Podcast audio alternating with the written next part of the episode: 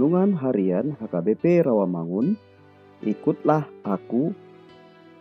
Senin 28 Desember 2020 dengan tema Kehidupan Orang Kristen.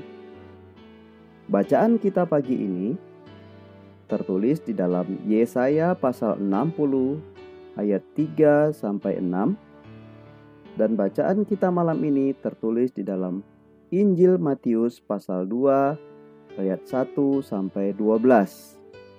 Dan kebenaran firman yang menjadi ayat renungan kita hari ini diambil dari Injil Matius pasal 2 ayat 11 yang berbunyi Maka masuklah mereka ke dalam rumah itu dan melihat anak itu bersama Maria ibunya lalu sujud menyembah dia mereka pun membuka tempat harta bendanya dan mempersembahkan persembahan kepadanya, yaitu emas, kemenyan, dan mur.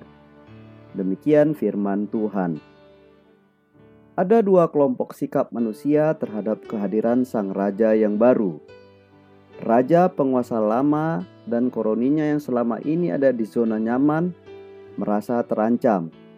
Tetapi di sisi lain, Rakyat kebanyakan yang selama ini relatif menderita sangat bersuka cita dengan kedatangan sang raja. Berita kedatangan sang raja tersampaikan kepada orang-orang dengan berbagai cara. Sukacita juga diekspresikan orang-orang dengan berbagai cara. Orang Majus datang dari jauh mempersembahkan harta berharga miliknya. Menyambut hari kelahiran Yesus Sang Raja, apa yang kita lakukan? Sukacita dengan pesta mewah, makanan enak, pakaian wah, tamasya ke tempat indah, semua itu bagus. Tetapi apa sesungguhnya yang Sang Raja inginkan dari kita? Yang Yesus inginkan dari kita adalah agar kita mempersembahkan diri kita. Artinya, hati, pikiran, dan perbuatan diarahkan hanya untuk kemuliaannya. Menolong yang lemah, memberi makan yang lapar, memberi tempat menginap pada tunawisma, memberi pakaian yang tidak punya baju, membalut yang terluka, itulah pelayanan sesungguhnya yang diinginkan Yesus dari kita. Amin.